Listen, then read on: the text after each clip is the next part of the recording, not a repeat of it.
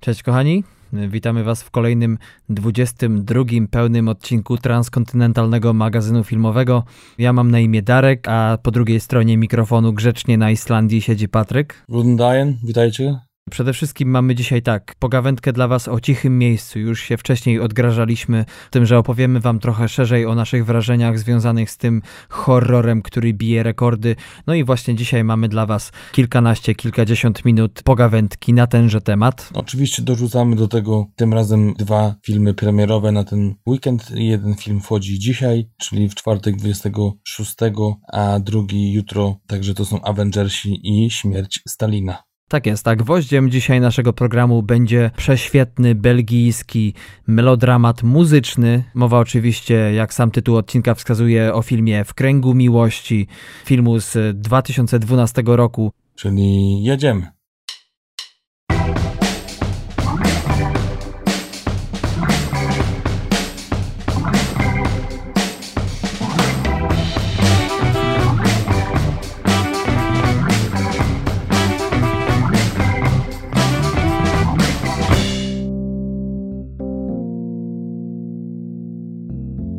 Coś czuję, że ten dzisiejszy odcinek będzie ciekawy, bo w ogóle ostatnio jakieś takie dziwne dni, przynajmniej u mnie w Nowym Jorku. Jeszcze nie lato, ale nie ma takiego ubrania, które by pokryło i temperaturę z rana i później. Do tego mój zespół żużlowy i twój Patryk przegrały. I w dodatku jeszcze ty miałeś przejścia z ulokowaniem swojego studia, więc może bez przedłużania zapytam cię, jak tam na Islandii? Nadal fantastycznie? Tak, cudownie. Ostatnio piękne islandzkie deszcze nawiedziły naszą krainę, także bardzo sympatycznie. Sporo pozytywnej energii. Tak, a właśnie ostatnio mieliśmy w czwartek zeszły pierwszy dzień wiosny. My, lata, przepraszam, bo tutaj nie ma wiosny, są tak naprawdę tylko dwie pory roku. Oszukujecie, tak? My? No oni nie. Mm, Także jest tylko zima i lato, i lato się właśnie zaczyna 17 kwietnia, także mm. było świętowanie, był to dzień tak zwany czerwony, święto, mm, z racji tego, że u nas no, niedługo kulminacja pracy, czyli rozruch wszystkich urządzeń, także musieliśmy być też w firmie. Mm.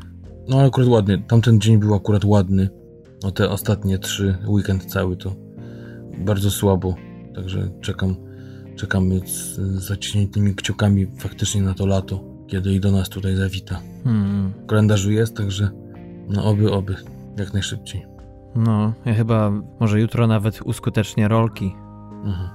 Miałeś kiedyś rolki? Nie. A, widzisz. To znaczy, w sensie, nie. Swoich nie. Swoich chyba nie posiadałem. Było tak, że, że parę razy jeździłem, ale, ale chyba to nie były moje. Nie pamiętam, żebym posiadał jakąś parę kiedyś. Jednak rower to było zawsze moje coś i do dzisiaj jest. Mhm. Ja swoje pierwsze rolki dostałem w 1995 roku. I pamiętam, że to wtedy było to właśnie najfajniejsze, nie? że ci, którzy chcieli się liczyć na osiedlu, to mieli rolki, a ci, którzy liczyli się na osiedlu, to mieli kauczykowe kółka.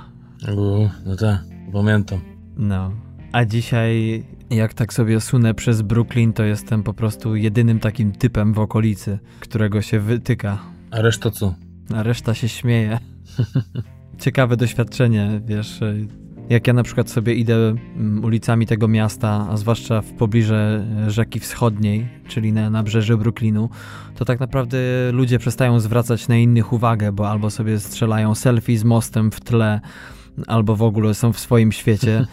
i w zasadzie nie ma, nie czujesz się przynajmniej, że masz jakiś kontakt z otoczeniem głębszy, to jednak jak jesteś na rolkach, to, no to jest chyba taki, nie wiem jak to nazwać, obob czy jakaś inna instytucja y, sondażowa, która daje ci idealne określenie tego, co jeszcze jest w stanie zwrócić ludziom uwagę.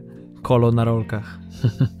Ale wiesz, to teraz tak do mnie dotarło, że spokojnie można nasze miasta, w których teraz przebywamy, mhm. Mm, zestawić ze sobą jako najbardziej, albo jedne z najbardziej na kontrze ustawionych. Twoja metropolia, Nowy Jork, nie wiem, największa Na, na, świecie chyba? No nie wiem, albo jedna z największych? Nie, no nie jest największe miasto, ale... Ale ja nie mówię o wielkości miasta, bo, bo nie o tym nie chodzi o geografię, tylko o to, Aha. wiesz, no wiem, że niedawno pod względem biznesowym Nowy Jork został przebity przez Londyn, mhm. ale no chyba Londyn z kolei wysokością miasta i wielkością też ciężko przyrównać do Nowego Jorku, więc y, myślę, że z takich miejsc, gdzie dzieje się tyle w świecie biznesu, technologii, ale też i właśnie przemysłu filmowego, czy mm. no chyba, nie wiem, każdej możliwej gałęzi gospodarki. No mówię ci, każdy chce tu być, tak przynajmniej się mówi o tym mieście. No, i teraz na kontrze jest Husawik, 2400 mieszkańców, mm. czyli tyle co pewnie bloku ciebie jeden. Moja klatka. Tak, właśnie. I wiesz, ciche, wszyscy wszystkich znają, mm -hmm. nie da się tutaj ukryć. Tak sobie pomyślałem ostatnio, że, że jest takie poczucie bezpieczeństwa tutaj, bo, bo ludzie zostawiają spokojnie e, samochody włączone i idą do sklepu mm -hmm. i stoją najlepsze nawet fury dziś na, na parkingach 5, 6, 7 z włączonymi silnikami, nic tylko wsiąść i jechać, ale gdzie tutaj jechać? Widzę, że wszyscy znają właścicieli samochodów, to jakby tylko był jakiś sygnał, że coś zginęło, to to jest jeden telefon, wiesz, dwa SMS-y i gościu złapany, bo jak tu przez całą drogę, przez całą drogę, jak tutaj przez całą wyspę jest jedna ulica, tak naprawdę jedna droga, mhm. to jak tu uciec? Chyba helikoptery musieliby tutaj kraść samochody, żeby to miało sens. No tak. Żeby było jakieś złudne wrażenie, że nie zostaniesz złapany. Na kładzie. Tak. To chyba jest urokliwe, jeśli chodzi o taką małą Islandię, że w ogóle ludzie inaczej tam operują. Tyle razy mi opowiadałeś już o jakichś e, no, takich osobliwych zajściach czy interakcjach z mieszkańcami tej wyspy. No, aż jestem ciekaw. I mówię to oczywiście tutaj nie robiąc sobie żartów z nich, ale ja już zapomniałem tak naprawdę, jak to jest mieszkać w małej no nie osadzie, ale jednak w miejscowości, gdzie jednak wszyscy są bliżsi sobie. Właśnie najgorsze jest to, że tutaj ta moja mieścina ma chyba z takich cech małych mieścin, czy to w Polsce, czy, czy gdzie indziej, zbiór tych chyba najgorszych. Te, te dobre też pewnie są, ale, no ale to może nie, nie czas, nie miejsce, żeby o tym opowiadać, ale no fakt, faktem można tu się czuć dwojako, to mocno, mocno odosobnionym no ale jak się, jeżeli się z drugiej strony jakoś tam próbujesz socjalizować i, mhm. i rozmawiać z ludźmi, gdzieś tam żartować coś, to, to, to trochę inaczej cię odbierają, ale jeżeli jesteś takim przeciętnym gościem, który przyjechał i powiedzmy bada okolice i troszeczkę z taką rezerwą, to nie jest za ciekawie wtedy. Tutaj trzeba, tak jak zauważyłem, podejść mocno, growa do góry, wiesz, mieć swoje zdanie i wtedy jest, jest się tutaj poważanym i hmm nie ma problemu, przynajmniej tak widzę po takich osobach, które są takie tak zwane, jak to u nas się mówi, hej do przodu, to one mają tutaj chyba lepiej e, niż, niż takie ciche myszki. Czyli widzisz pod tym względem i Husawik i Nowy Jork mają coś wspólnego, bo dokładnie tak tutaj jest. Jak chcesz się liczyć tutaj, to musisz wyglądać, tak? Musisz coś sobą prezentować, musisz, e, jak zamykają drzwi, to wstawiasz e, stopę, blokujesz. Także takie podejście jest trochę i to nie jest może kompletnie takie na pokaz, bo wiesz, jak ktoś jednak coś robi na pokaz, to wyczuwa się to jednak w jakiś sposób. To jest taki po prostu styl. Pamiętam, jak przyjechałem do Nowego Jorku, to byłem jeszcze jak ten turysta przez te pierwsze dwa tygodnie. Chodziłem sobie na wycieczki, chłonąłem i tak dalej. Ale potem jednak zauważyłem, że po pół roku, jak szedłem na przesłuchanie kolejne z rzędu, to zasuwam przez ulicę, wiesz, jak TGV. Wchodzę do budynku, cyk, które piętro siadam, uśmiechnę się, wiesz, pełna forma. E, rzadko o tym myślę, ale tak jest. No tak, tylko różnica jest ogromna w tym, że, że u ciebie ten odsetek takich ludzi jest dużo większy nawet w porównaniu do, do ilości mieszkańców niż tutaj. To prawda. Mm, właśnie tak naprawdę tacy się właśnie pchają, bo tacy myślą, że mają szansę, a tacy wiesz, cisi bez głosu, to raz, że, że to miasto pewnie by ich przerażało, mhm. a dwa, no to czego tam szukać? Ten kraj jest tak, tak zróżnicowany, że spokojnie możesz sobie znaleźć inne miejsce. No tak. Żeby się spełniać, będąc takim troszeczkę szaraczkiem. Wiesz co, to przypomina mi też taką krótką historię sprzed kilku lat, kiedy to mieszkałem sobie w stanie Iowa. Miałem wtedy dziewczynę i cechą jej rodziny było to, że w zasadzie jak e, gdzieś chcieli pójść, powiedzmy była mowa, że no dzisiaj wieczorem idziemy do baru, Pamiętam, jak co wszyscy siedzieli i jeden drugiego pytał, no to gdzie chcesz iść? No nie wiem, a ty gdzie, a ty gdzie? Takie było niezdecydowanie i pamiętam, że i w tej, i w wielu podobnych sytuacjach krótka piłka z mojej strony powiedziałem nazwę baru, cyk, cyk, cyk i bardzo szybko zorientowałem się, że po prostu tylko to działa. No tak, tak, tak. Ech. No nie, no takim miałem po prostu przemyślenie, że, że chyba no jesteśmy w dwóch zupełnie innych biegunach. Mhm. No ja jestem 50 km od, od koła podbiegunowego, ale, no, ale dopiero teraz tego mi dotarło, że faktycznie to są takie przeciwieństwa. Mhm. Pewnie moje miasteczko jest, no, jakkolwiek jest tutaj na Islandii, może nie większe, czy największe, ale mhm. z takich mieścinek to jedno z większych. No ale jednak co to za 2400, wiesz, to, to, to moja dzielnica w Gdańsku ma dwa razy tyle mieszkańców. No, no tak. A o żużlu nie rozmawiajmy, proszę cię. I po nagraniu też, proszę cię, nie chcę. Nie no, po co się denerwować. W ogóle ten taki odcinek dzisiaj jest, no mówię, dziwny, ale to tak zazwyczaj jest i o tym już wcześniej z Patrykiem wspominaliśmy, że jak są komedie, czy jak są jakieś takie filmy bardziej sensacyjne, czy też y, animacje, to no wtedy zawsze ta energia jest inna i ten humor i w ogóle zdrówko wszystkim dopisuje, a jednak dzisiaj no mamy po raz pierwszy melodramat, do tego muzyczny. Melodramat do czegoś zobowiązuje, no i tu uprzedzamy taki spoiler bez spoilerów. Druga część dzisiejszego odcinka, no nie będzie to łatwa. No nie będziemy też dołowali, ale rzeczywiście, Patryku, nie wiem, czy się ze mną zgodzisz, że te jednak filmy takiego kalibru, który dzisiaj zaprezentujemy, jednak odciskają swoje piętno i zazwyczaj sprawia to, że potem w zasadzie nie jesteśmy w stanie powiedzieć, czy ten odcinek wyszedł nam dobrze, czy nie. Faktycznie tak, tak może być tym razem. Mm, ja jeszcze dzisiaj obejrzałem e, film drugi raz, no, chyba to już w sumie czwarty. Był gdzieś tam pierwszy raz, to, to było kilka lat temu. I tak jak ci powiedziałem przed nagraniem, śmieszne, nieśmieszne, ale po prostu prawdziwe. Nawet czytając komentarze pod jednym z e, filmików do tego filmu jakiś wywiad czy, czy piosenka. Nawet wtedy się wzruszyłem, także ten klimat filmu długo we mnie siedział, siedzi cały czas. Myślę, że będzie tutaj coś podobnego do e, Pogorzeliska, ale jak pamiętasz, mieliśmy już taki, no powiedzmy, nie wiem, czy to był bardziej romans chyba niż melodramat, czyli Głową w mur. Tak, tak, tak. Ale tam był bardziej taki pokręcony. Też, też były te, te losy bohaterów mocno tragiczne, ale, ale trochę jakby z czego innego wynikające. Tak. No, podobno nic tak nie ściska za gardło jak dziecko.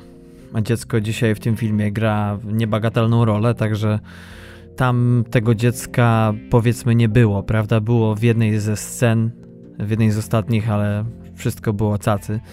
No ale to raz, a dwa Zazwyczaj te filmy, o których mówimy, są bardziej nieznane niż niedocenione, jednak, no chyba, że są nieznane przez to, że są niedocenione. Ale jeśli chodzi o krytykę, to najczęściej te filmy, które wynajdujemy, jednak e, coś sobą prezentują. Są to naprawdę całkiem niezłe ratingi. A już y, dzisiejszy film jest takim lekkim ewenementem. Wertując sobie recenzję, jak to zwykle mam w zwyczaju, zacząłem się zastanawiać, czy przypadkiem oglądaliśmy ten sam film?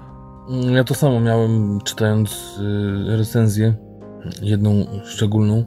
No tam nawet w komentarzach do tej recenzji mocno y, w cudzysłowie y, pojechali po, po recenzencie mhm. i właśnie to samo wielu wskazywało, że chyba to nie ten sam film oglądaliśmy, albo recenzja chyba w złym miejscu została przeklejona. Wiesz, no, nikt nie jest nieomylny, nawet tacy, którzy zarabiają pewnie niezłe pieniądze na, na tym pisaniu. Mhm. Jakkolwiek ja bardzo rzadko się zgadzam z naszymi polskimi recenzentami, to tutaj no to... Wojna. Tak, wojna, ale przede wszystkim kulą w płot ta recenzja i do niczego nikomu się nie przyda i nie dość, że nie wiem kiedy to było pisane, bo film był nominowany do Oscara. Mhm. Przegrał z Wielkim Pięknem. Tak. W 2013 roku, ale no, od recenzent dał ocenę 5 na 10.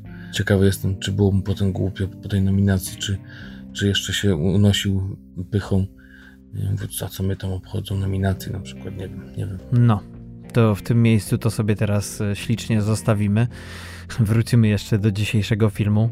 Natomiast zanim przejdziemy do premier, dzisiaj mamy tylko dwie, wyjątkowo. Mm, wychodzą trzy filmy do polskich kin, ale po prostu jednego nie ma sensu. Natomiast ostatnio w naszym odcinku jubileuszowym Patryk odgrażał się, że może coś powiemy o Cichym Miejscu, czyli o horrorze amerykańskim Johna Krasinskiego, który wszedł kilka tygodni temu do polskich kin i wszędzie na całym świecie bije rekordy popularności nie tylko, ratingi także są mu bardzo pozytywne, także dzisiaj w tym miejscu sobie pozwolimy na krótką pogawędkę o tym filmie. Patryku, już wspominaliśmy wielokrotnie, że horrory to jest nasza pięta achillesowa, może nie tyle nasza, co po prostu filmu.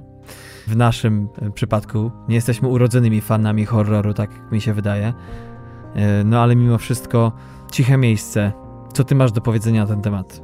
No właśnie chcę zacząć od tego, że nie jest to tak, E, że nie ma dobrych horrorów mhm. i przez ostatnie lata, czy w ogóle w historii kinematografii, co znaczy, wiesz, fani e, horrorów powiedzą, że w ogóle jest od zatrzęsienia dobrych, ale mhm. no, takich, które nam pasują, tak, a mówimy tutaj o naszym goście filmowym. Jest sporo dobrych, ale no, my sobie nie ułatwiamy w naszym podcaście i szukamy takich niedocenionych, więc robi się podwójnie albo i poczwórnie ciężej, mhm. żeby znaleźć coś, czego nie znają nie zna szersza y, publiczność. A zgodziłbyś się ze mną, że z horrorami to jest tak jak z komediami w polskim kinie. Dramatów u nas pełno, ale dobrych komedii ostatnio przynajmniej na, na palcach jednej ręki można policzyć.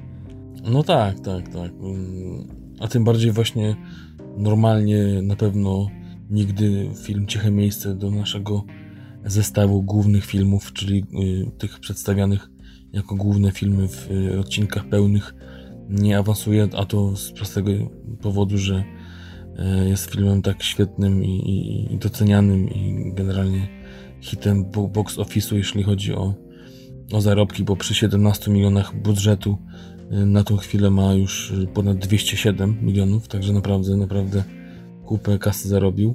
Mm. mm ale tak jak było na przykład przy okazji Dunkierki, o tym sobie porozmawialiśmy, to no jak coś takiego wyjątkowego jest, co nas gdzieś tam chwyci, czy to za serce, czy no takie, takie powiedzmy serce kinomana, nie zaraz może wzruszy, tylko wzruszy no, po prostu tym, że jest coś solidne, świetne, to czemu nie rzucić dwóch, trzech słów, mhm. żeby na pewno wszyscy ten film zobaczyli, bo pewnie większość e, go zobaczy.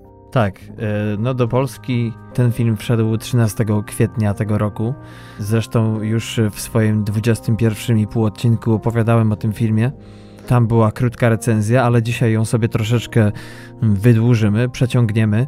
Jest to film o pięcioosobowej rodzinie, która stara się przetrwać w świecie, w którym po prostu trzeba być cicho, ponieważ każdy, czy to większy trzask, szelest, czy też odgłos, czy też głos ludzki, ściągnie na tych ludzi śmiertelne niebezpieczeństwo. I w zasadzie to tyle, jeśli chodzi o akcję. Więcej nie trzeba rozwijać, natomiast e, sposób, jaki ta akcja jest prowadzona, jest to film, który przynajmniej jak ja go oglądałem, to po 90 minutach, bo taki jest jego czas trwania, tak szybko mi czas zleciał, tak to napięcie gnało zawsze do przodu. Człowiek aż z niedowierzaniem opuszczał kino. No u mnie było podobnie, też no przede wszystkim świetnie się bawiłem. Chwile grozy, które w kinie są może mi obce, co, co bardzo rzadkie. Tutaj naprawdę gdzieś tam ten taki nie, niewyrobiony mięsień filmowca y, się ukazał i, i boli do, do, tej pory ten zakwas. Także świetne kino do, do właśnie wystraszenia się i mocnego wczucia się właśnie w ten klimat grozy razem z głównymi bohaterami, przeżywaniem tego terroru. Mhm. Y, także to było świetne, a jeszcze mm, tak a propos opisu filmu, to dodałbym tylko to, co sam Krasiński Y, mówi o tym filmie, że mm, mamy właśnie do czynienia z taką y, rodziną pięcioosobową, która właśnie musi zachowywać się cicho i razem z filmem odkrywamy, y, dlaczego tak się dzieje. Mhm. To jest jedna z zagadek, powiedzmy, filmu. Jak powiedział sam Krasiński, kiedy dostał scenariusz tego filmu, z samego pomysłu, bo chciał, chcieli producenci, żeby zagrał w tym filmie. Mhm. E, że generalnie zapytali go o horror, powiedział, że on nie bardzo, że no, aktor komediowy i trochę nie jego klimat, ale jak przeczytali mu tylko właśnie to jedno zdanie, to od razu był, mówi, był kupiony i zafascynowany i mówi, e, tak to na niego zadziałało, że, że no jak to w końcu wyszło, e, popełnił i scenariusz, i reżyserię i zagrał główną rolę u boku swojej żony. Tak sobie myślę, co czyni ten film tak świetnym jeśli chodzi o tą akcję, bo rzeczywiście te sceny zdają się dobrze być z sobą zszyte.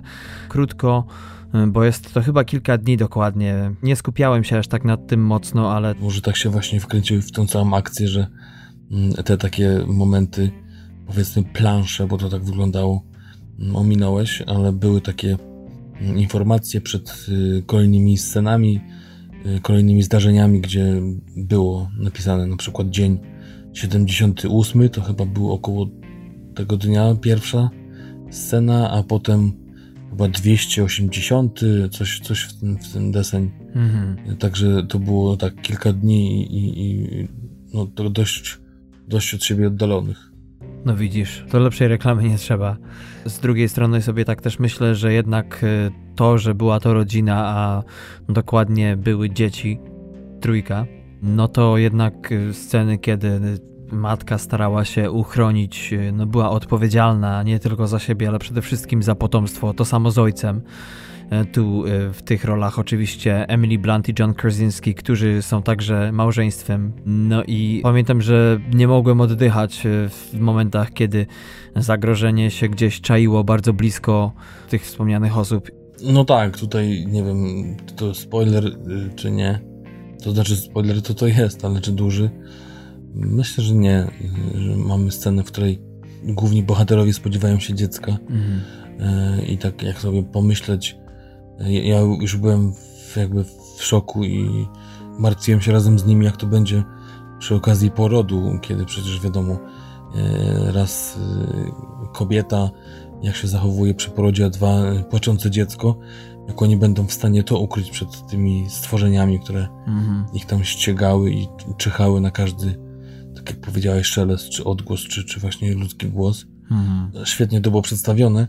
W ogóle bardzo dużo fajnych pomysłów, właśnie jak ten główny bohater mm, troszczył się o rodzinę i jakie, mhm. czy to wynalazki wymyślał, czy, czy gdzieś tam um, ustawiał tą całą farmę, na której mieszkali poszczególne jakieś elementy, y, żeby czy to alarmować o tym, że coś się dzieje, czy to jakieś sposoby ucieczki. Y, naprawdę pomysłowo to wszystko wyglądało. No tak, John Krasinski jest ostatnio na całkiem dobrej trajektorii, bo znamy go oczywiście najbardziej z grania postaci Jima, małomównego przystojniaka z serialu Bureau, czyli The Office, z jego amerykańskiej wersji. Jest to dla niego trzeci film, który reżyseruje, drugi scenariusz. To, co jest siłą tego filmu, to cisza, brak dialogów, bo bodajże chyba tam jest, są, są tam chyba trzy czy cztery linijki w całym filmie. Krasinski nie wynalazł tego, że cisza jest bardzo, ale to bardzo absorbująca i świetnie działa na ekranie i zazwyczaj reżyserzy, czy też tacy scenarzyści jak Aaron Sorkin boją się jej po prostu i muszą wszystko przegadać, tak jak ja czasami. duże, duże ukłony dla tego reżysera, aktora, za to, że zaufał temu i pokazał całemu światu, moim zdaniem, że jak się chce, to można zrobić horror inny niż wszystkie i on tym horrorem nadal będzie. No przede wszystkim oglądałem jeden wywiad, najbardziej zachwycony był i podniecony tym, że e, na Twitterze bodajże napisał o jego filmie sam Stephen King, że właśnie świetny film, świetne aktorstwo, pomysły i, i naprawdę mówi, że urósł po tym komentarzu. I faktycznie, tak jak mówisz, y, troszeczkę, wiesz, może to jest to, że, że człowiek zupełnie spoza świadka horroru bierze się za, za, za takie coś i robi, wiesz, jakby y, nie zważając na jakieś zasady, y, konwencje, tak, zupełnie po swojemu. Mhm. Może, no może nawet nie jest świadom, czy to tak, czy tak powinno wyglądać. Wiesz, nie ma tego backgroundu, powiedzmy, no zakładam, że widział kilka horrorów gdzieś tam pewnie słyszał coś, ale no nie, nie kręcąc tego, nie biorąc udziału nawet jako aktor, yy, ciężko powiedzieć, że ma jakieś doświadczenie i on gdzieś tam swoim właśnie takim czystym spojrzeniem i, i umysłem takim no, dość lotnym, bo jest to na pewno inteligentny facet. Chociaż, y, tak jak ci powiedziałem przed nagraniem, troszeczkę mi się nudziły już te wywiady kolejne y, u kolejnych prowadzących i mówił praktycznie te same zdania, ta sama intonacja i gdzieś tam, wiesz, mhm. nawet potem przestało mi w pewnym momencie już wzruszać to, jak opowiadał, że scenariusz czytał trzymając na ręku dwutygodniowe dziecko i gdzieś tam, wiesz, się też popłakał i zresztą sam powiedział, że horror jak horror, ale dla niego to jest film o rodzinie, o oddaniu rodziny, taki prezent, taka laurka dla dzieci i dla żony, także to tak w ten sposób jakby podszedł do tego filmu. No nie sposób się z nim nie zgodzić. Nie wiem, czy wiesz, nawiązując tutaj do jednak jego jakiegoś takiego zmysłu reżysersko-operatorsko-producenckiego, hmm, to jeśli chodzi o serial Biuro, czyli serial, który ostatnio ty połykałeś, dość mocno binge'owałeś, czy wiedziałeś, że John Krasinski jest autorem czołówki do tego serialu? Nie, nie wiedziałem. No, to on nakręcił ten cały montaż o Scranton. Aha. E, ale to tak z lewej mańki. Natomiast e, to też ciekawe, że Emily Blunt, która jest świetną aktorką, to wiemy nie od dziś najczęściej gra tak jak e, no, trochę Jennifer Lawrence, bardzo twarde kobiety. Ona dla mnie byłaby idealną odtwórczynią Larry Croft. Zresztą to John Krasinski sam przyznał w wywiadzie, że ona jest tak świetną aktorką, że on poprzez swoją reżyserię nie chciał jej zepsuć. Nie chciał sprawić, że no jednak jej potencjał i jej instynkt y, nie zadziała w pełni. Są takie role pewnych aktorów, po których już wiesz, że mamy do czynienia tutaj naprawdę z, z wielkim, wielkim talentem. Nie mówię, że Krasinski nie gra tu wielkiej roli, ale to jednak dla mnie ona y, trzyma na barkach ten film dość mocno.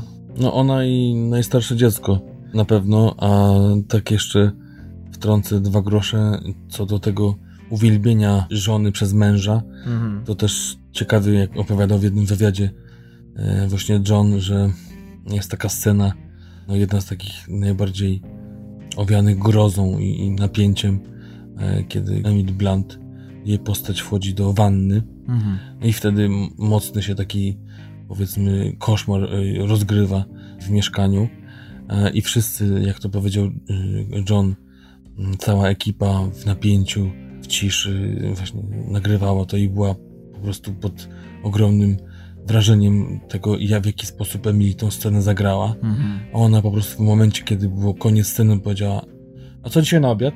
I nagle wszyscy uuu.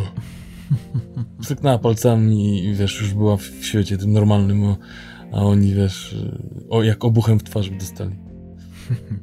wiesz, też y, przecież powiedział Krasiński, że tak naprawdę to po tym filmie to najlepiej to zrezygnował z aktorstwa, bo, bo, gdzieś tam tak nie sięga do pięt żonie i, i zajmie się chyba reżyserią, tylko oczywiście żartował. Hmm.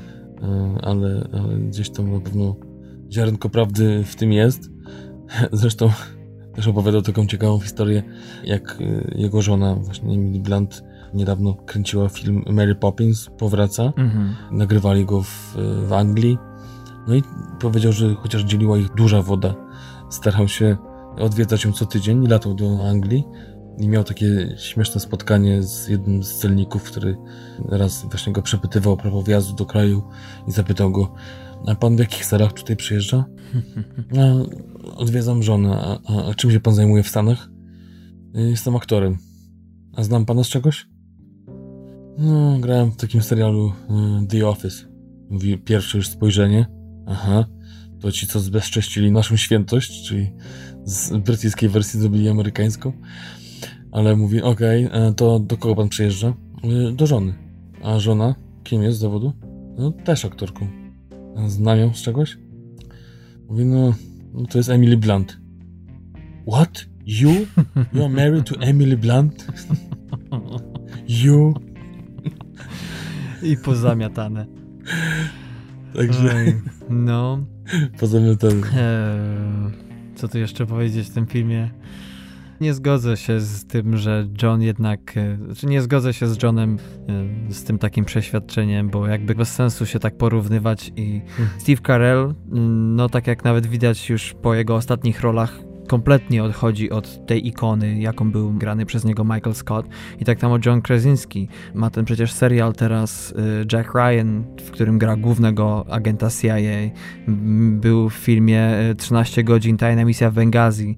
Także facet też się rozwija. W tym filmie dzisiejszym, moim zdaniem, naprawdę szczerze wszystkie momenty odgrywa. To widać po nim, że jest to naprawdę oddany, tak jak mówisz, ojciec, y, no powiedzmy nie głowa rodziny, bo między małżeństwem panuje naprawdę świetna harmonia, ale jest to facet, który po prostu bierze odpowiedzialność w swoje ręce i aż przyjemnie się go ogląda. Ani razu y, no, jeżeli może nawet na początku zastanowiłem się, czy powiedziałem sobie, o popatrz, zobacz jak, jak to ten Jim się zmienił, to potem tak kompletnie już y, wyleciało mi to z głowy, takie porównania.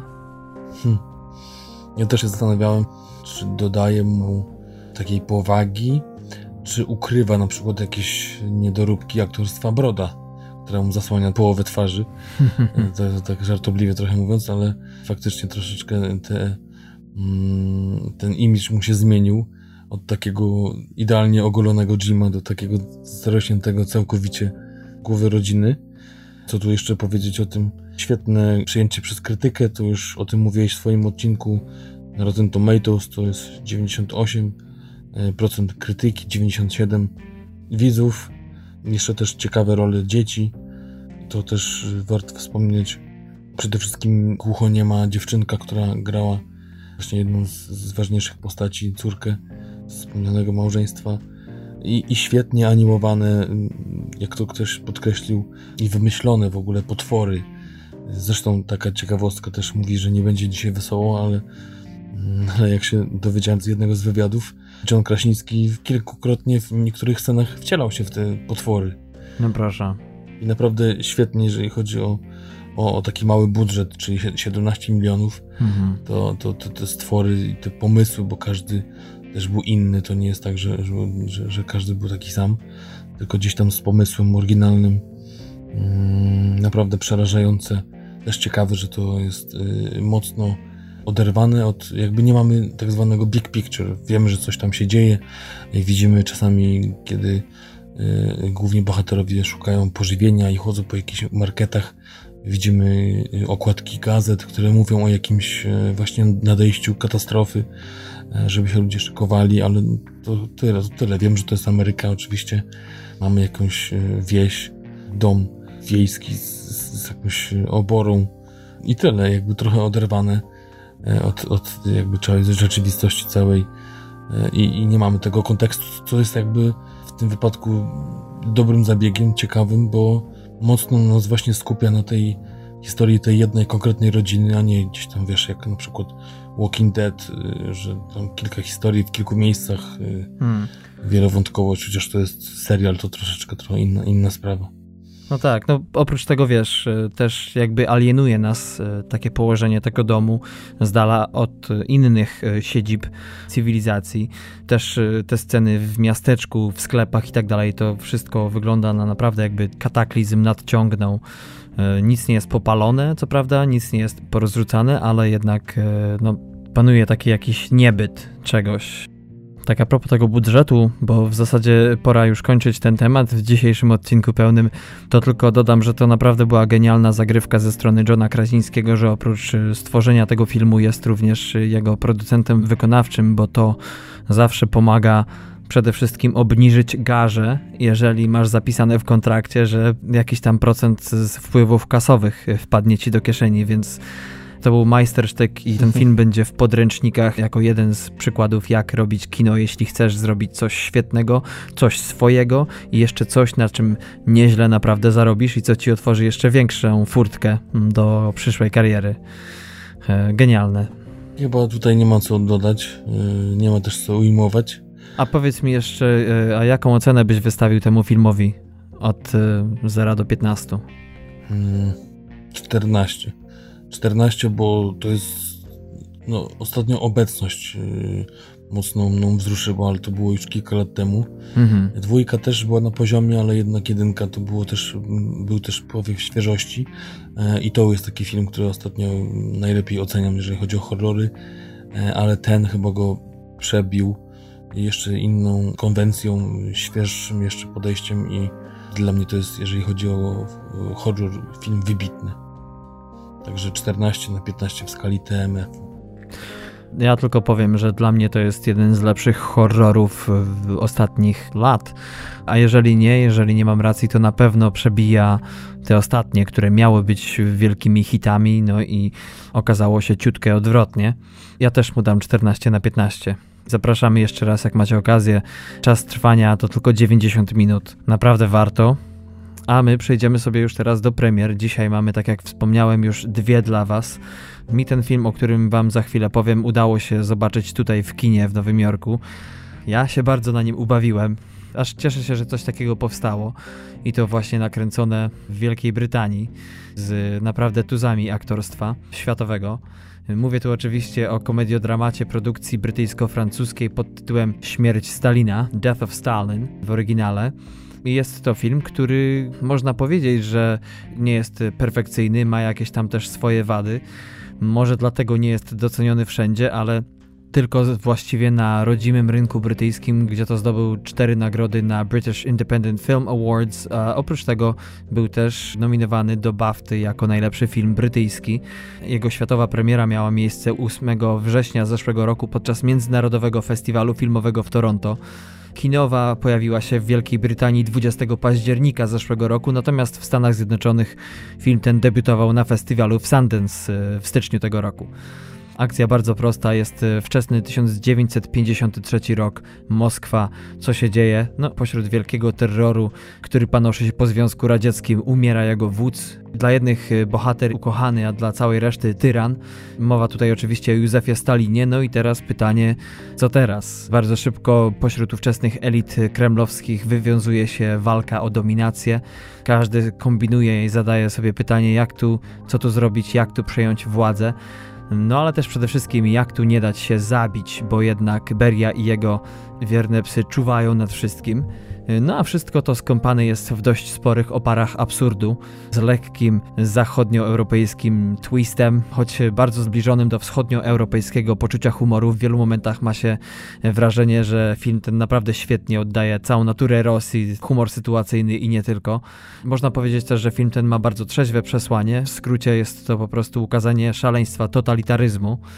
Za scenariusz są odpowiedzialni Ian Martin oraz David Schrader. Pierwszy z nich znany jest jako scenarzysta świetnego serialu telewizyjnego Figurantka z Julie Dreyfus w roli głównej.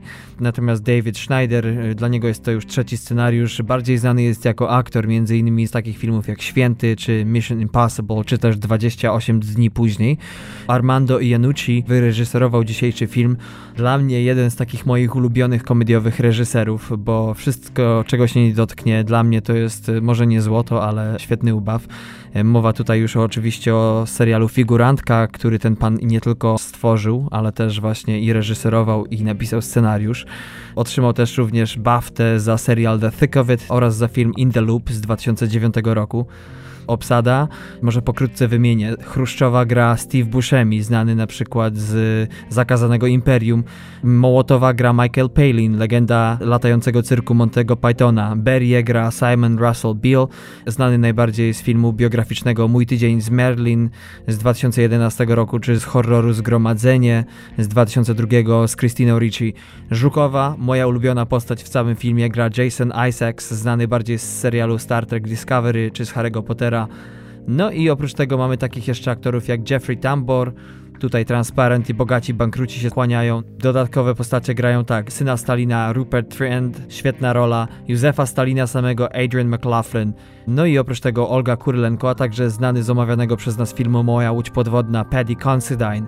Jeśli chodzi o ciekawostki związane z filmem, to podobno sporo w nim improwizacji, dlatego reżyser zdecydował się, że żadna z postaci nie będzie używała rosyjskiego akcentu, żeby po prostu to nie, nie dekoncentrowało aktorów. Film oparty jest na francuskiej powieści w formie komiksu. Jest to bardzo kontrowersyjny film w Rosji, jak mogliście się domyślać, a jak nie, to już teraz wiecie. E, ale podobno dostępny był w Armenii i w Kazachstanie. Przy niewiadomym mnie budżecie film ten zarobił już około 16 milionów dolarów. IMDb daje mu 7,2, Filmweb 6,9. Na Rotten Tomatoes ten film jest o wiele bardziej doceniony, bo aż 96% krytyków pozytywnie ocenia ten film, a 79% publiczności. Mocną, moim zdaniem, stroną tego filmu jest świetne aktorstwo. Nawet e, jeżeli zdarzają się słabsze sceny, a takie niestety się zdarzają, to jednak aktorstwem wszystko to nadrabia.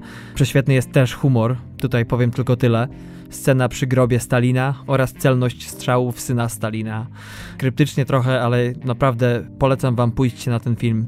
Zobaczcie, bo mimo niedostatków warto. Sporo satyry, może ma swoje przystoje, ale jest to pierwszy taki film z tego punktu widzenia o tym okresie i to dostępny szerokiej publiczności. Moja ocena 11,5 na 15, no może 12 w momentach, kiedy naprawdę fajnie się bawiłem. Czas trwania to 107 minut. Propozycja obowiązkowa. No, niestety, ale na mnie tak y, dobrze nie podziałał jak na ciebie. E, ale ja tak samo y, miałem podobny stosunek do filmu Zapętleni, In the Loop. Mhm. Nie wiem, jakoś do mnie ostatnio nie docierają takie filmy mocno przegadane. Jakkolwiek dobre dialogi, śmieszne, to, to jakby taka nawalanka z karabinu, tekst za tekstem chyba nie jest y, mój styl, ale faktycznie y, aktorstwo świetne i, i, i, też aktorów dobrali, dość zgraną paczkę stworzyli. Taką, że panowie chyba rzadko się w takim gronie spotykają. Hmm. Naprawdę świetny dobór i amerykańskich, i brytyjskich aktorów, hmm. także tutaj plus za to. No i pewnie dla historyków, dla znawców tego tematu i wojny i w ogóle całej Rosji, Związku Radzieckiego też będzie pewnie pozycją atrakcyjną. Powiem ci szczerze, że moment, kiedy mnie kupił, to ten Filharmonii i wszystkie te wydarzenia, które po sobie następują, jakoś tak skleiły mnie z tym filmem. Ale to tam moje opinie yy, nie liczą się. Nie, no ja, ja, nie oceniam go do końca, bo do końca go nie widziałem, także cała zabawa przede mną i może wtedy zmienię zdanie, może jak te wszystkie klocki się ułożą, to, to będzie zupełnie inny zamek niż to, co się teraz mi powoli buduje przed oczami. Także nie mówię, nie oceniam. Może faktycznie masz rację, w sensie masz rację może i w stosunku do mojego gustu. Zobaczymy. Z czasem przyjdzie i na, na to moment, żebym do tego zasiadł. Piękniej bym tego nie ujął. Ty tam podobno masz coś też do powiedzenia a propos premier. E, tak, jeszcze tylko chciałem wspomnieć e, to, o czym nie mówimy dzisiaj czyli trzecia premiera z tego z weekendu, bo premiera, o której ja zaraz powiem, to jest e, dzień wcześniej, akurat ma miejsce.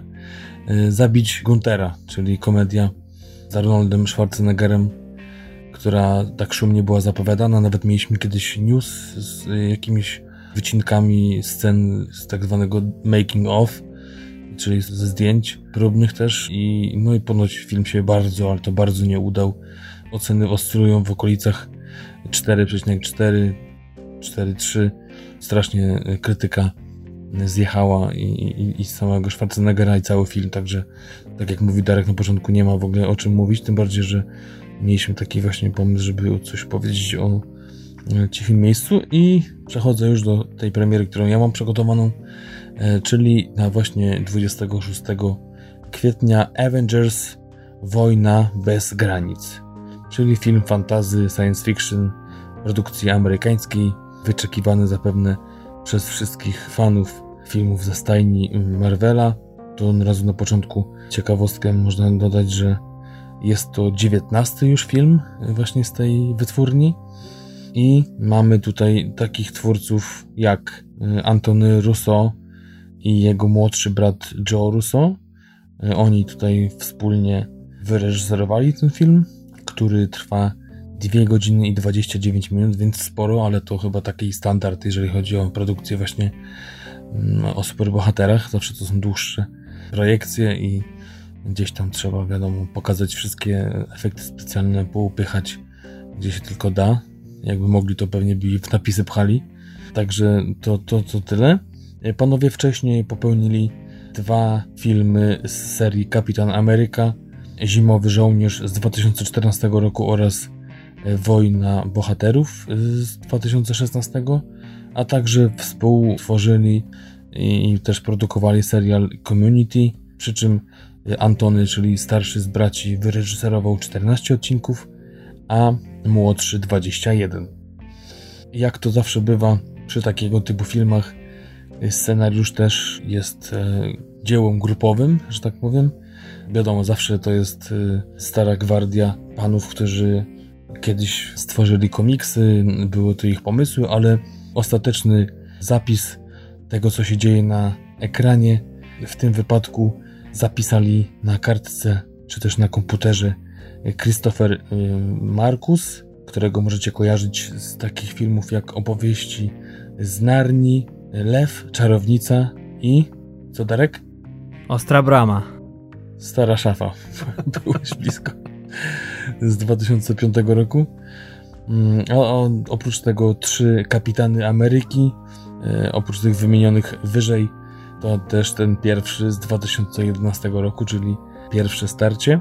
A obok niego jego też nie brat, ale współpracownik, tak samo można powiedzieć oddany i nierozerwalny współpracownik e, jak powyżej wymienieni bracia, czyli Steven McFelly, o którym można powiedzieć tyle, że napisał scenariusz do tych samych dokładnie filmów, co e, Christopher Marcus, oczywiście nie wszystkich, ale tych takich najważniejszych, czyli tak samo opowieść z Narni i, i właśnie trzy razy Kapitan Ameryka. Jeśli chodzi o głównych bohaterów, to też taka ciekawostka, że sam samo studio Marvela mówi o tym, że w filmie e, są aż 64 postaci e, główne. Także zaczynam wymieniać, e, bo trochę nam zejdzie 64. Dobra, pierwszy no to jest, nie, oczywiście żartuję.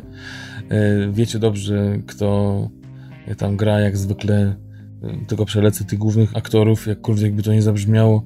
Tom Holland, Scarlett Johansson, Robert Downey Jr., Chris Hemsworth, Chris Evans, Chadwick Boseman i wielu, wielu, wielu więcej. A, czyli imiona im się nie zmieniły, widzisz. tak, a oprócz tego jedna z młodsza z, z sióstr Olsen, bliźniaczek, ale jak to zawsze bywa, jedna wychodzi przed drugą. Zazwyczaj. Yy, Elizabeth Olsen to taka, można powiedzieć, nowość w tej serii.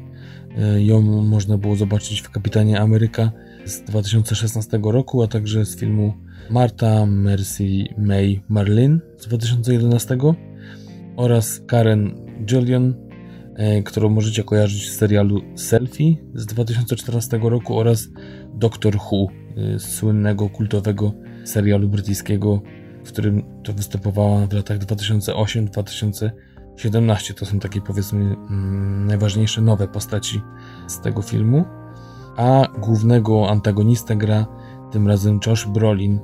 E, wciela się w, w Thanosa. Tym razem. się zdaje, że on w ogóle nostał gra głównego antagonistę.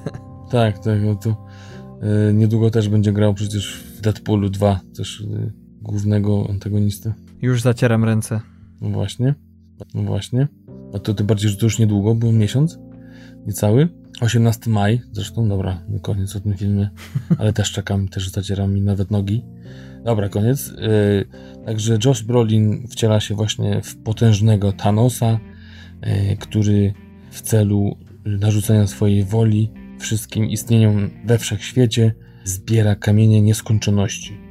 I oczywiście tylko nasza wspaniała drużyna superbohaterów, znanych jako Avengers, może go powstrzymać. Jak zwykle skomplikowana fabuła, nie, nie ma co się dalej nią y, zagłębiać. Y, z ciekawostek takich y, też śmiesznych, cały czas wracam do tego, Darek, że mówiłeś, że nie będzie śmiesznie. No jakoś staram się podtrzymać poziom. Taka ciekawostka, że Tom Holland, który oczywiście wciela się w Spidermana, miał zakaz czytania scenariusza przed zdjęciami z racji tego, iż przy okazji filmu Spider-Man Homecoming za dużo zdradzał w wywiadach. Także tutaj dostawał do kawy poranny scenariusz. No i tyle. Mówiłem o tym, że to jest dziewiętnasty film. Ciekawe to, że, że tych bohaterów jest nieskończenie tak naprawdę. E, no i co? No i myślę, że fanom serii, czy sagi, czy, czy w ogóle całej stajni mm Augiasza i Marvela. Nie ma co więcej przybliżać. Wszyscy polecą pewnie w dzień premiery albo następnego dnia, także jak to już powiedziałem wcześniej, premiera jest nie jutro, czyli w piątek 27, a dziś, czyli czwartek 26 kwietnia. Tak jest, kochani, zapraszamy na naszą stronę internetową tmfpodcast.com. Tam rozpiska czasowa, tam trailery i linki do filmów, do premier, które wchodzą w ten weekend do polskich kin. Jeszcze raz przypominamy, jeden z nich to Dorwać Gintera, amerykańska komedia, o której dzisiaj raczyliśmy wam nic nie powiedzieć. Oprócz tego komediodramat brytyjsko-francuski Śmierć Stalina z świetną obsadą, a także Avengers Wojna bez granic. I to tyle, jeśli chodzi o premiery. No, jeszcze chyba tylko wspomnę, że celowo dzisiaj nie przypomnieliśmy Wam, o jakich premierach rozmawialiśmy tydzień temu, ponieważ e, no, nie rozmawialiśmy o nich. E, te premiery były na Facebooku, w postach, e, z racji tego, że ostatnio obchodziliśmy pierwszy rok naszego istnienia. No ale to tyle. Teraz przechodzimy w nieco poważniejsze już rejony. Dzisiaj mamy dla Was, jak już wspomnieliśmy na początku, melodramat muzyczny w kręgu miłości z oryginalnego tytułu The Broken Circle Breakdown. Ciężko w ogóle o tym filmie rozmawiać, żeby nie zdradzić czegoś ważnego, bo dzieje się tyle. Też jest tyle w tym filmie bardzo ważnych momentów, po których jeszcze jest dalsza część akcji i ciężko to w przyczynowo-skutkowym ciągu ułożyć, ale Patryku drogi, film nam się trafił, co? No tak, tylko powiem, że zakładam, że jednak nie jest z oryginału po angielsku, tylko pewnie po flamansku był tytuł. Ale tak, ten, ten taki y, ogólnie przyjęty tytuł, pod którym też został nominowany do Oscara e, w roku 2013, to było właśnie tak jak mówiłeś. Także faktycznie trafił nam się film, troszeczkę przeze mnie zapomniany, nie wiem kiedy ty go widziałeś pierwszy raz, e, ale mówiliśmy o tych y, melodramatach, o tych romansach e, i, i, i przypomniał mi się dopiero teraz niedawno przy okazji serialu Tabula Rasa, gdzie, gdzie główną rolę gra odtwórczyni głównej roli właśnie w dzisiejszym filmie. Mm, I od razu mi wpadł do głowy, jak to ja mogłem zapomnieć o tym filmie, mm -hmm. który mnie tak poruszył te tam 5 lat temu, 4 może. No ciężko zacząć e, o tym filmie, bo no jak zwykle nie zdradzamy za bardzo fabuły, nie chcemy spoilować, ale też warto powiedzieć, e, jak wiele tematów ten film porusza, jak złożony jest i jak niesztampowym takim melodramatem on jest. Mhm. I co ciekawe, jak genialnie jest wpleciona muzyka, która, no, przeważnie jak ja słyszę, że coś jest filmem muzycznym, to to mnie y, zaraz ciarki przechodzą, y, bo mało jest takich, które mnie wciągają.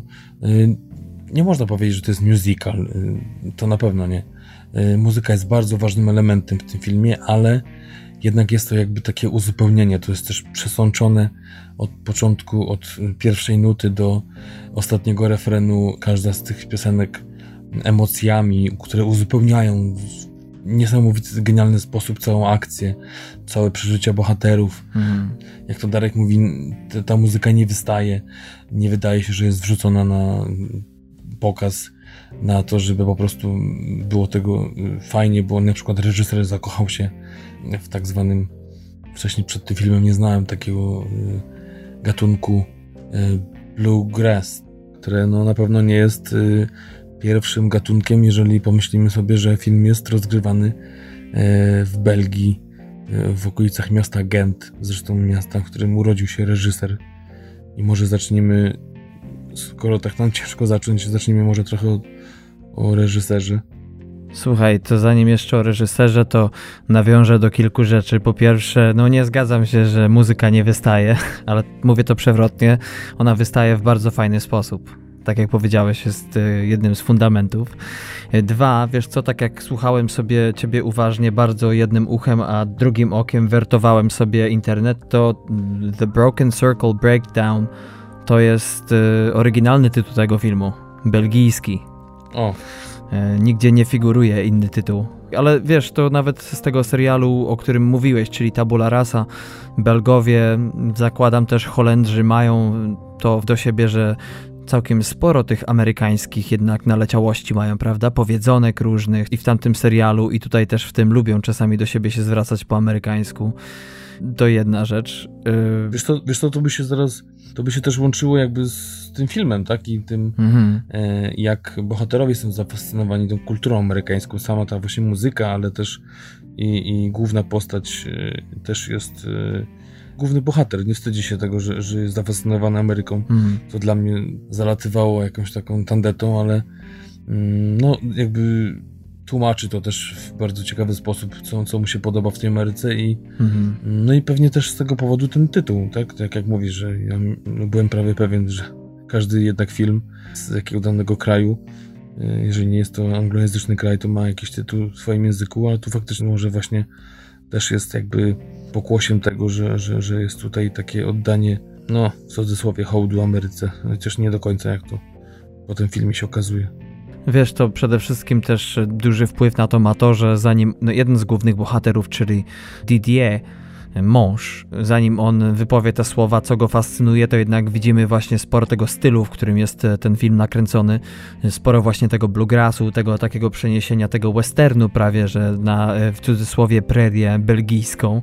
E, no i jednak to jakby jest potwierdzeniem tego, że to nie jest tandetne jakieś uwielbienie, czy takie z duchem czasu, prawda? Po prostu to nie jest styl, bo wszyscy tak robią. No ale rozgadamy się o tym, rozgadamy, tu masz rację oczywiście, może krótka mowa o tym, o czym jest film, e, żeby nie zdradzić za dużo. Akcja tego filmu opowiada o rodzinie, o mężu i żonie, którzy pod wpływem choroby swojej córeczki e, no, oddalają się. Taką notkę producencką można przeczytać na Filmwebie czy na IMDb i w zasadzie daleko to nie odbiega od akcji tego filmu. No i tak, scenariusz do tego filmu popełniły dwie osoby. Jeden z nich był to Carl Hughes, który w Polsce nie jest zbyt znany, ale maczał palce innymi przy ciekawym dość kryminale Alzheimer z 2003 roku o płatnym zabójcy o zawodnej pamięci. Potem napisał scenariusz do takiego thrilleru Remedium z 2004 roku. E, też bardzo ciekawy film. No a za drugą połowę scenariusza i za reżyserię tego filmu odpowiada Felix van Groningen, 41-letni Belg. No właśnie, który teraz ma 41 lat, a wtedy miał tylko 35 i zrobił tak dojrzały, e, świetny film. E, jakkolwiek drugi główny aktor obok Werle, którą wymieniłeś, to właśnie Johann Heldenberg, który mm, jest no, starszy od reżysera o 10 lat, ale obydwoje, jak to opowiadali, kiedy pojechali na rozdanie nagród Amerykańskiej Akademii Filmowej, czyli e, do Los Angeles, to traktowali go jakby przyjechali z synem. Jakby taką rodzina pilnowali chłopaka, chociaż Welle jest akurat rok młodszy od niego to w pewien sposób się łączy, bo Heidenberg e, to nie tylko aktor mm, i starszy od reżysera, ale to także reżyser teatralny i na tym polu chyba ma największy czy najbardziej poważany dorobek w Belgii, w Niderlandach. E, no i między innymi jest też autorem sztuki teatralnej, na podstawie której powstał dzisiejszy film. No właśnie, to jest też ciekawe, że właśnie jestem współtwórcą drugim jest Make Dobels, mhm. a co ciekawe to e, przy wywiadzie z reżyserem wspominał Felix o tym, że ludzie zastanawiają się, jak ty w ogóle to przełożysz taką sztukę na język filmowy, jak to się uda w ogóle zrobić. E, po czym jak teraz zrobił film, to ci, którzy nie znają sztuki, zastanawiają się, jak to w ogóle w teatrze wygląda. No, naprawdę rewelacyjne. Co ciekawe, w przypadku Johanna Heldenberga, mm, jak i Welle Battens, y, to aż dziw bierze, że po tym filmie jednak ich kariera aż tak strasznie nie rozbłysła. No, Johan jednak ma ten teatr, do którego często wraca, natomiast Verle Battens, tak jak już powiedzieliśmy, zagrała fenomenalnie w serialu Tabula Rasa, który omawialiśmy, który jest na Netflixie, dostępny w Polsce. To był 20,5 odcinek z 29 marca, natomiast no cóż, zanim zagrała w tym filmie i w tym serialu, to była belgijską ulą brzydulą. Potem zagrała w świetnym serialu detektywistycznym Code 37. Oprócz tego w tym filmie też sporo śpiewa. Oboje aktorów y, użyczają swoich własnych głosów. Berle, oprócz tego, że śpiewa i tańczy i ukończyła Wydział Aktorstwa Musicalowego w Brukseli, to też założyła pewnego razu swój zespół o nazwie Dallas. Wydała nawet płytę. No i też przecież wydali płytę do tego filmu, prawda? Soundtrack, który okazał się wielkim hitem. E, tak, nawet y, właśnie sam Heldenberg mówił o tym, że właśnie zespół Broken Cycle Breakdown pobił y, tym mm, albumem, mm, soundtrackiem rekord Belgii, który przez wiele, wiele lat dzierżył Titanic. I, i, to jest y, e, najlepiej sprzedający się soundtrack w historii Belgii, a poza tym mm, właśnie po premierze filmu przez 14 tygodni album był na pierwszym miejscu, jeżeli chodzi o sprzedaż. Wow. Także naprawdę y, wielka rzecz. Mm. Właśnie tak jak wspomniałeś, Patryku, ten motyw dzikiego zachodu, połączenia jego właśnie z Belgią, oddany jest tutaj naprawdę świetnie i bez żadnego komentarza. Mamy tutaj amerykański styl życia, powiedzmy, mamy rancho, wspomnianą muzykę, samochód, nawet imię dziecka, czy potem pseudonim żony. Pasuje tu po prostu wszystko, prawda? Inny kraj, zapożyczona kultura, ale widać, że facet to czuje, zresztą oboje. I oni, i przyjaciele, bo małżeństwo również występuje w zespole, i to właśnie y, mamy sporo muzyki z ich koncertów. Wszystko to nadaje już odpowiedni nastrój temu filmowi, który zaraz ma się nagle załamać w wielu momentach. Takie, mm, takie ciekawe zdanie sobie wypisałem z wywiadu z Heldenbergiem a propos tego, um, czym jest bluegrass. E, powiedział: Bluegrass is a jazz of the country. Mhm. E, I spodobało mi się, właśnie mówił o tym, że to jest taka mocno improwizowana muzyka, znaczy mocno, wiadomo, nie do końca jazz, ale właśnie z takiego country, gdzie zaczynasz od czegoś, a, a potem zmieniasz to mm, w czasie grania jednego kawałka mhm. i na końcu tak naprawdę zupełnie jest co innego wychodzi i to, tak jak mówisz, jest nieodzowny element y, tej całej historii, bo właśnie małżeństwo na początku to też jest ważne, że, że, że oglądamy ten film z takiej perspektywy, mm, że mm, skaczemy mocno w czasie. Mhm. Y, widzimy, co się dzieje teraz, y, widzimy, co się dzieje, co się działo wcześniej. Niektóre sceny się powtarzają. Czasami jest tak, że do końca nie wiemy, z którego to jest tak naprawdę okresu. I to też jest fajne, bo, bo trzeba do tego dojść, trzeba zauważyć jakieś szczegóły. Mhm. Mm, świetna to jest ten pomysł w ogóle, żeby to tak skomponować ten film, e, ułożyć takie właśnie, można też powiedzieć, że to taki jest e, jazz of the film, mhm. czyli mocno dowolność, jakby taka improwizacja. Zresztą sam reżyser powiedział, że, że kiedy tworzył scenariusz i, i w trakcie tworzenia scenariusza zespół właśnie Broken Circle Breakdown tworzył piosenki, e, to sobie gdzieś tam je układał w głowie, jakby to w którym momencie filmu powinny wchodzić, jakie e, i na sam koniec wszystko pomieszał zupełnie odwrotnie, także no tak jak i sceny, tak samo i muzyka mocno była dopasowywana takie puzzle, które złożyły się na tą genialną mozaikę.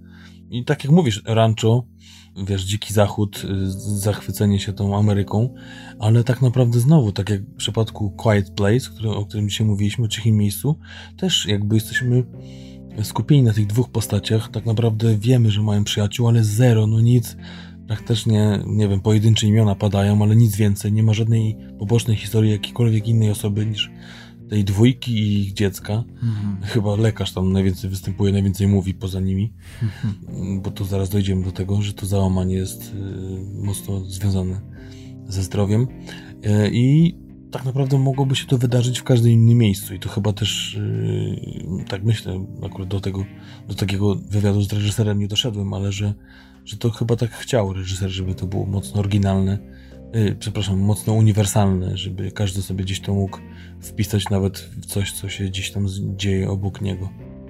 Na jakichś peryferiach, czy, czy, czy wiesz, obrzeżach miasta.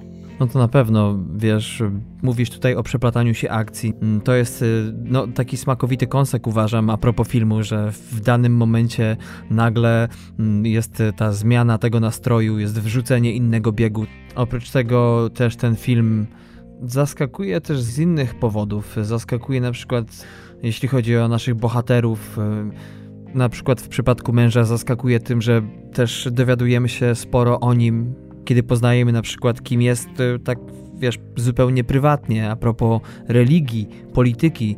Y, te dwie rzeczy nie tylko łączą się, no można powiedzieć ściśle, z największym dramatem, jaki się rozgrywa. W filmie tym również mamy monolog Didiera, w którym oskarża ludzkość o to, jaka jest w danym momencie i na jakie rzeczy nie daje przyzwolenia. Wyrzuca bardzo sporo z siebie tych emocji jako y, ojciec, który cierpi.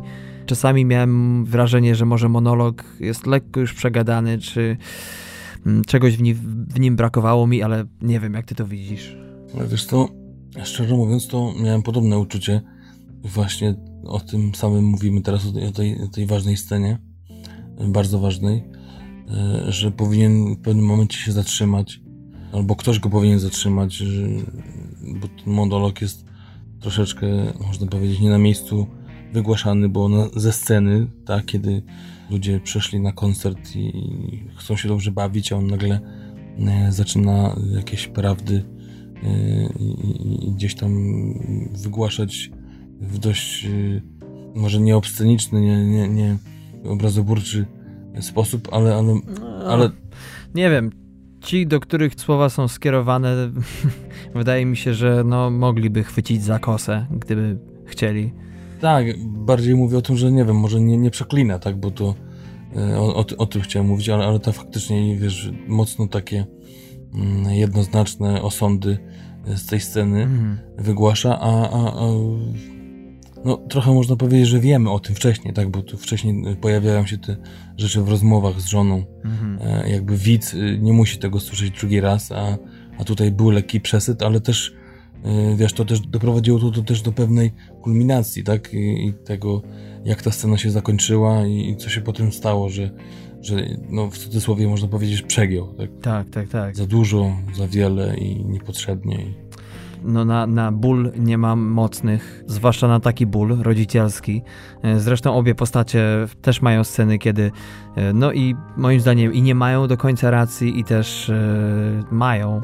Jedną z moich ulubionych scen w tym filmie jest, pamiętasz, taka scena kłótni między mężem a żoną, kiedy on przychodzi do niej do pokoju i mówi jej na początku, że nie chce się kłócić, no, potem scena idzie dalej i tutaj też widać kunszt y, tego, kto napisał ten scenariusz, bo dialogi, które się tak świetnie poprzez aktorstwo zazębiają z sobą, które też y, ukazują te osoby nie z jednej strony, ale też z drugiej. To, o czym mówią, jest bardzo skomplikowane i brakuje im jednak y, bycia razem w tej sytuacji, żeby z tego wszystkiego jakoś bezboleśnie wybrnąć.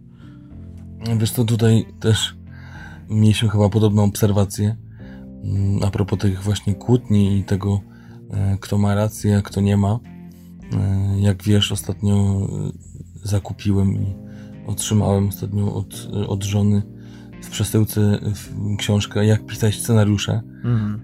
I jestem dopiero na samym początku, ale już przykuło mi uwagę moją takie ciekawe zdanie, że takim wybitnym momentem w filmie, w scenariuszu, właśnie w dialogu jest to, kiedy widzimy kłótnie dwóch osób i mamy wrażenie, że obie mają rację. I, I, jest taki dramat tego, że tak naprawdę nie wiesz, w którą stronę to zmierza. Wiesz, że każda osoba ma mm, jakiś tam mm, swój pogląd, który faktycznie jest wytłumaczalny mhm. i to się słucha i wiesz, to do czegoś prowadzi. Nie jest tylko przerzucanie się argumentami, tak, tak jak mówisz. I, I, jeszcze do tego tak wspaniale zagrane, wygrane do, do po prostu najmniejszej kropli.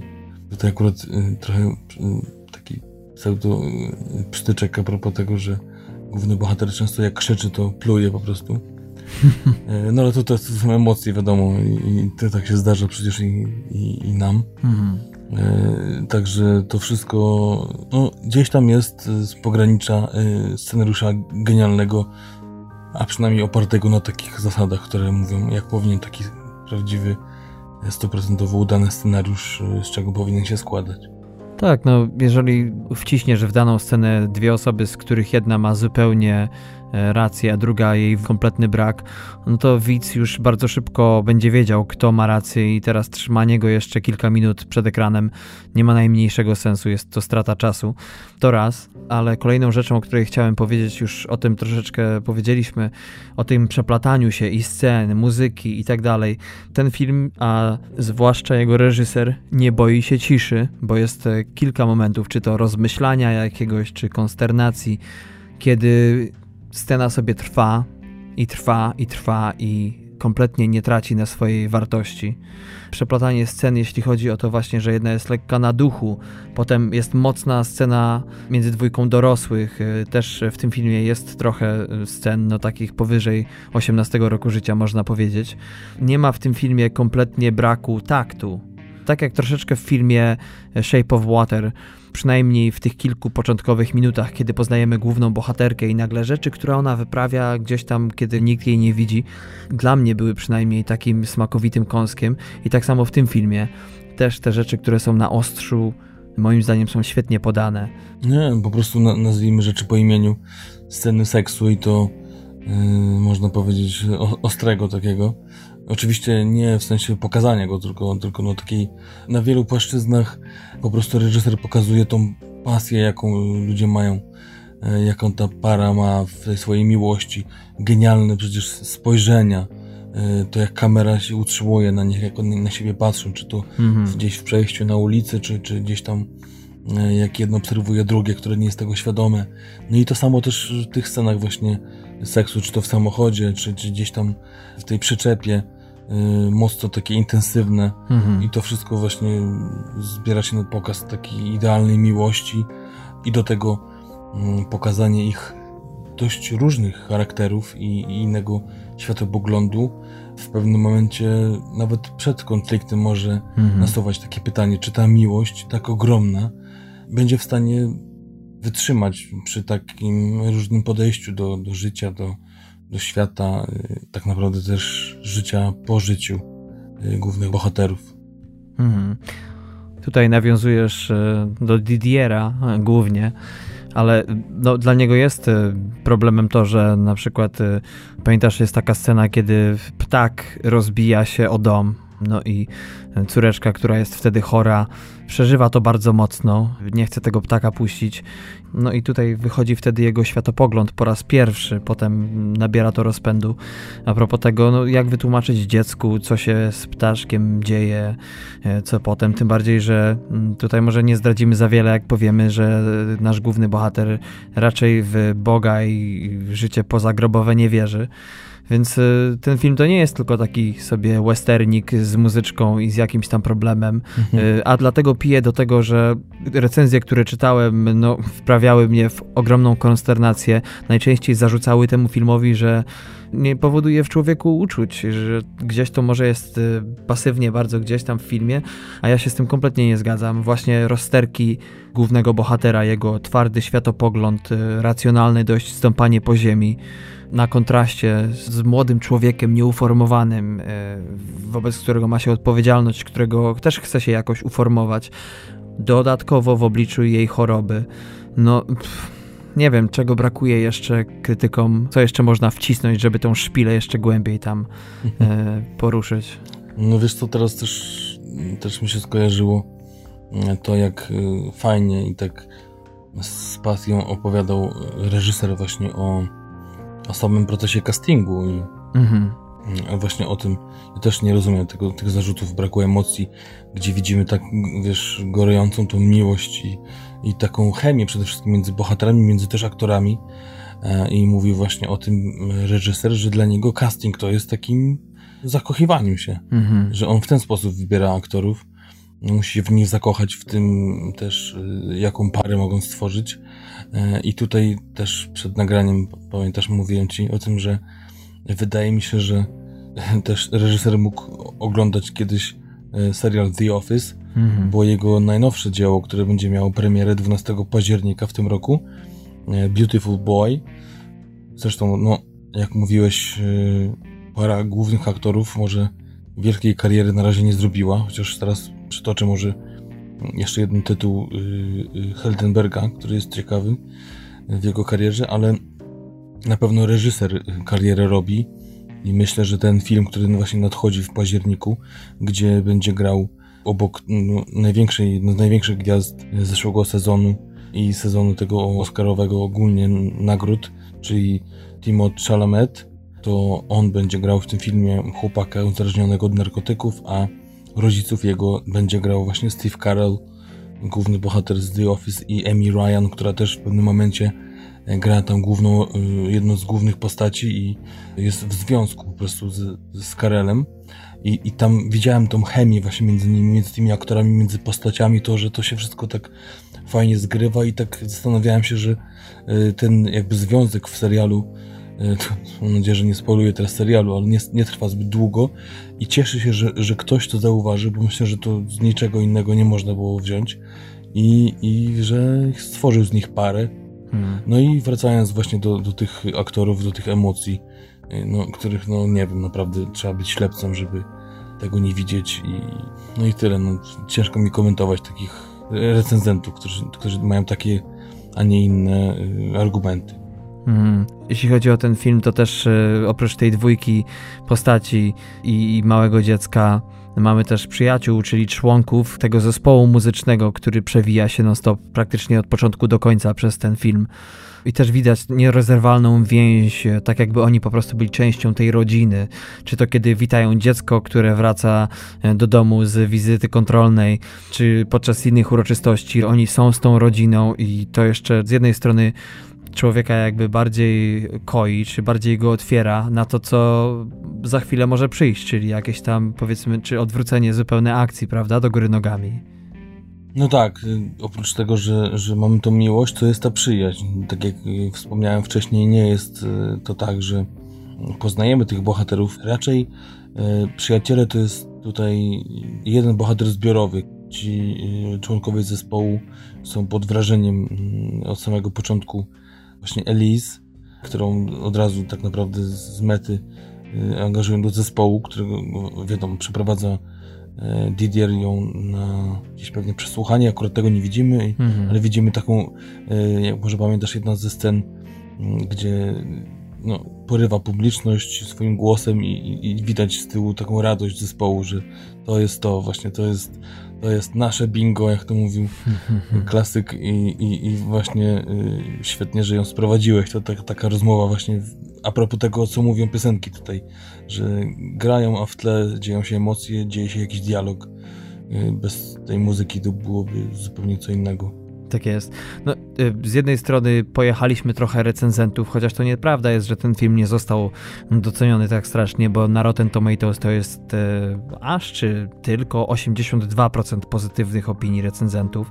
Widzowie to 85%. Filmweb e, daje mu 7,7, IMDb 7,8, czyli nie jest tak źle. No i też trzeba powiedzieć, że ten film co nieco tam zdobył, jeśli chodzi o nagrody, bo jak już wspomniałeś, był to belgijski kandydat do zagranicznego Oscara. Mm, oprócz tego film też zdobył nagrody na Berlinale za film i nagrodę specjalną też e, Cezara zdobył. Oprócz tego pokazał się też w Polsce przecież. Wygrał nagrodę publiczności w Kazimierzu Dolnym, ale chyba też był na Międzynarodowym Festiwalu Filmowym w Warszawie. No tak, jeszcze dla aktorki głównej, czyli dla Werle, znalazła się nagroda na festiwalu Tribeca w Stanach Zjednoczonych. Oprócz tego, tak jak mówiłeś, y, właśnie Cezara dostał film i y, reżyser. Generalnie w ogóle w sumie 33 różne nagrody i 24 kolejne nominacje. No i mimo tego film y, nie zarobił tak naprawdę na siebie strasznie, bo bodajże zbilansował się. Zarobił niecałe 6 milionów, a budżet to był ile? 5 z hakiem, prawda? 5,5, tak. 5,5 miliona dolarów. Mhm. Czas trwania 111 minut tego filmu. Ty widziałeś ten film przed serialem Tabula Rasa, prawda? Tak, tak. Serial Tabula Rasa to są ostatnie tygodnie, a film widziałem 5 lat temu chyba, czy, czy 4. Cały czas mówisz o dziecku, dziecku. Warto wspomnieć, że to jest Nell Catrice, mała dziewczynka w roli właśnie córki Maybell. Mm, no, miażdżąca rola, niesamowicie świadoma, yy, niesamowicie prawdziwa też i wcale nie, nie, nie odstająca poziomem od swoich rodziców. Kariera jeszcze przed nią. Zagrała już w takich filmach jak Wele Hemmels z 2017 roku, czy też Het Vonis z 2013. E, to już role były po tym filmie, mm, ale też jest świetna i nawet czytając recenzję na, na, na stronie Rogera i Berta, też tam zachwycano się tą aktorką i właśnie tą, tą świadomością jej roli i to, że tak świetnie wypada w, i taką trójcę tworzy genialną z rodzicami. Także, no. Czyni to film bardzo autentycznym. Tak, tak. I tak naprawdę, jak e, spojrzałem, bo też jakiś komentarz przeczytałem na YouTubie pod jednym z filmików, e, jak to możliwe, że ten film nie dostał Oscara. Film wtedy dostał Paolo Sorrentino wielkie piękno, który wtedy zgarnął i Baftę, i Globa, i Złoty, i Oscara. No ciężko było z nim konkurować, to prawda. Ciężko było, aczkolwiek chyba jednak ten postawiłbym wyżej od tego wielkiego piękna, który też jest świetnym filmem. Hmm. No to zawsze jest problem w tym, jak porównywać na przykład dzikie historie do Idy, które, które to filmy razem były w jednym koszyku, no trochę nieporozumienie, ale no tak to jest. No to jest w ogóle natura Oscarów, prawda, że porównujesz jabłka do bananów. Hmm. No dokładnie. Hmm.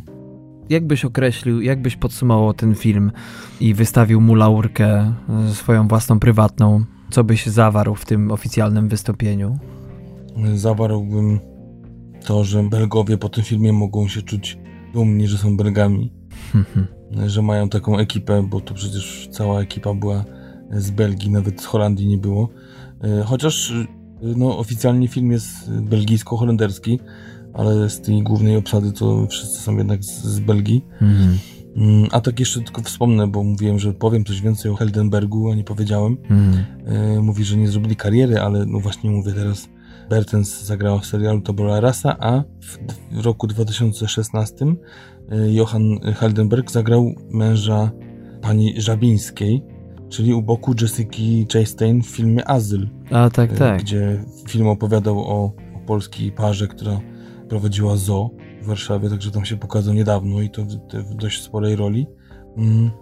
Wiesz co, ja tylko chcę uściślić tutaj, że może nie, że nie zrobili kariery, ale zaraz po tym filmie w 2012 roku przecież film wyszedł. Przez e, dłuższy czas e, nie było o nich słychać, przynajmniej wyczytując ich na IMDb czy na Filmwebie. No nie ma tam jakichś wielce udanych, zacnych tytułów. E, no Welle miała nawet pewnego pecha do filmów, które nie potrafiły kompletnie wykorzystać potencjału aktorskiego zatrudnionych aktorów do niego. Tak, tak to racja, bo, bo tu mówimy o tym, że to teraz, nie wiem, rok temu, tak, w tym roku, mhm. czy nawet reżyser na przykład też dopiero pod koniec tego roku, jak widać, prawdopodobnie trafi mu się jakaś perełka, wyjdzie mu perełka, bo aktorów ma świetnych. Mhm. Mm, więc to teraz, te ostatnie lata, to jest to, że im wyszło, także nie wiem, czy to była bomba z opóźnionym zapłonem, czy, czy, czy tak się to akurat dziwnie ułożyło, mhm. e, ale też e, na przykład mówi, że nie wypłynęli na początku. Widziałem taki dość ciekawy, osobliwy, uwieczniony na wideo taki toast w Los Angeles, właśnie Johanna Heldenberga, gdzie stoi z kieliszkiem e, jakiegoś wina chyba w restauracji i tak jakby na przyjęciu takim rodzinnym dziękuję twórcom za, za pomoc. Właśnie mówi o tym, że właśnie byli jedną wielką rodziną, że to wszystko się tak zgrało, że nie wierzy właśnie w to, że ten film od 2007 roku, gdzie była to tylko sztuka teatralna, teraz do 2013 e, taką drogę przeszedł i mówi, nawet mówi dzisiaj spotkałem e, w jakimś e, studiu, bo to było przy okazji Oscarów, mówi, że spotkał Harvey'ego Weinsteina i, i właśnie gratulował mu filmu. Wiadomo, że te tam 5 lat temu Weinstein był w innym miejscu niż jest teraz. No, teraz w ogóle go nie ma. No właśnie, mocno poważany i wtedy Heldenberg się chwalił tą znajomością i tym, tą pochwałą właśnie od jednego z największych, czy największego producenta filmowego wtedy na świecie, a no przynajmniej w Stanach. Mhm. A jaką byś ocenę wydał temu filmowi? Chyba 14,5 dam, bo e, naprawdę jest tak porywający mm, i tak e, z drugiej strony e, na samym początku wydaje się niepozornym filmem, mm, który potem tak porywa i, gdzieś tam scena po scenie rozrywa serce i, i, i naprawdę wpadasz jak śliwka w przysłowiowy kompot w tą całą historię, w, w tą relację ich głównych bohaterów i jest niesamowitym przeżyciem i pozostaje w, w człowieku na długo, także 14,5 to jest moja ocena, a twoja? Ja dam mu 14, może za ten monolog. Chociaż nie wiem, czy to do końca wina monologu, bo tak mi się wydaje, że to jest chyba najdobitniejszy dowód na to, że najpierw był to spektakl, a potem film. Ale strasznie jednak czepiać się tego nie zamierzam. Także, kochani, nie pozostaje nam nic innego, jak tylko Was jeszcze raz na ten film zaprosić w kręgu miłości The Broken Circle Breakdown. Premiera światowa miała miejsce w 2012 pod koniec tamtego roku. W Polsce również ten film się ukazał w sierpniu 2013 roku. No i tak jak wspomniałem, już czas trwania 111 minut e, ze świetnymi aktorami, ze świetnym reżyserem i cała trójka wydaje się, że przed nimi kariera stoi otworem. No i nowe projekty na horyzoncie, także mamy nadzieję, że zainteresujecie się nie tylko tym filmem, ale i też e, filmami, w którym maczali palce nasi dzisiejsi główni aktorzy. Tak jak y, na samym początku Darek wspominał, nie jest to film na beztroskie letnie y, wieczory, ale jak ktoś chce mocny, z silnym ładunkiem y, emocjonalnym i taki do przeżycia go całym sobą, to to jest pozycja dla Was idealna. A w dodatku jeszcze dostaniecie całkiem fajną kolekcję piosenek bluegrassowych. tak jest. No i co, pora kończyć, nie? Wstydu oszczędzić. Dokładnie, trochę nam dzisiaj zeszło, tych filmów się nazbierało. Ale to co, no tak myślę, mocnym tytułem zaczynamy e, drugi nasz rok, że nie ma za co przepraszać i czekajcie na kolejne odcinki. Następny, mm, już tylko tak wspomnę dwa słowa, to będzie mój półodcinek islandzki i mam kolejną perełeczkę nad perełeczki, także szykujcie się, bo będzie się działo. Buty spadną, o skarpetach nie mówiąc. A ten swoje. I to tyle, kochani. Wielkie dzięki za to, że jesteście. E, pamiętajcie o naszym Facebooku TMF Podcast, tak samo na Instagramie. Pamiętajcie też o tmfpodcast.com, tam post z dzisiejszym odcinkiem i z wieloma materiałami pomocniczymi związanymi z dzisiejszym filmem i z dzisiejszą dyskusją na jakikolwiek temat. A za dzisiaj już dziękuję Wam za uwagę, za to, że jesteście i co, Patryku? I do usłyszenia na kolejne odcinki. Check it out, ten poprzedni E, jak nie słuchaliście o tym, jak podsumowaliśmy nasz pierwszy rok. No i zapraszamy na drugi rok TMF. Za uwagę dziękuję i dziś się żegnają z Wami Patryk oraz Darek. Do usłyszenia, kochani. Cześć.